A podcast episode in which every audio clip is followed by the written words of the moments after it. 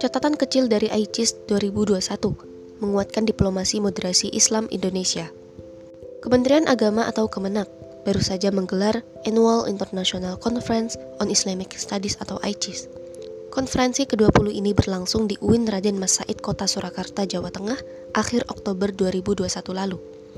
Kemenak berharap penyelenggaraan ICIS 2021 ini dapat mendorong pemikiran-pemikiran Islam di Indonesia agar menjadi referensi global dalam menjawab berbagai tantangan.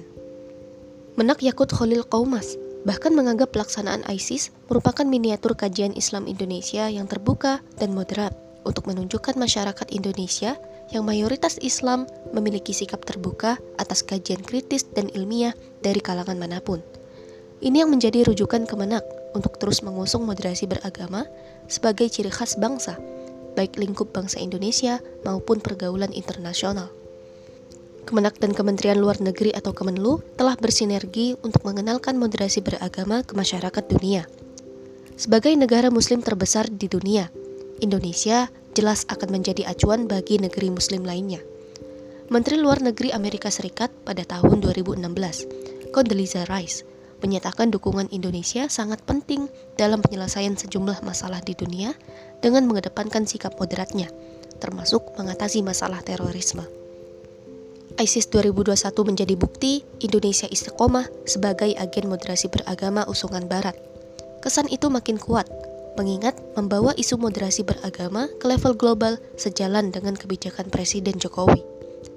Apalagi ketika Arab Saudi juga terus menggulirkan moderasi, Indonesia seolah mendapatkan mitra untuk membangun poros global penguatan moderasi Islam bersama Arab Saudi, sehingga gaung moderasi Islam dapat mendunia.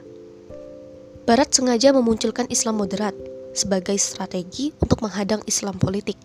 Strategi ini adalah rekomendasi Rand Corporation kepada AS untuk menghadapi kaum muslim yang memperjuangkan penerapan syariat Islam kafah yang Barat labeli sebagai militan, radikalis, fundamentalis, dan ekstremis. Dengan demikian, sesungguhnya Indonesia telah mengumpankan dirinya sebagai alat Barat atau proksi untuk meraih kepentingan penjajahan Barat baik ekonomi maupun politik.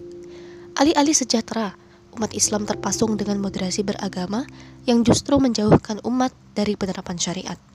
Rendahnya kesadaran politik telah membuat umat terkebiri dan menjadi budak di negeri sendiri.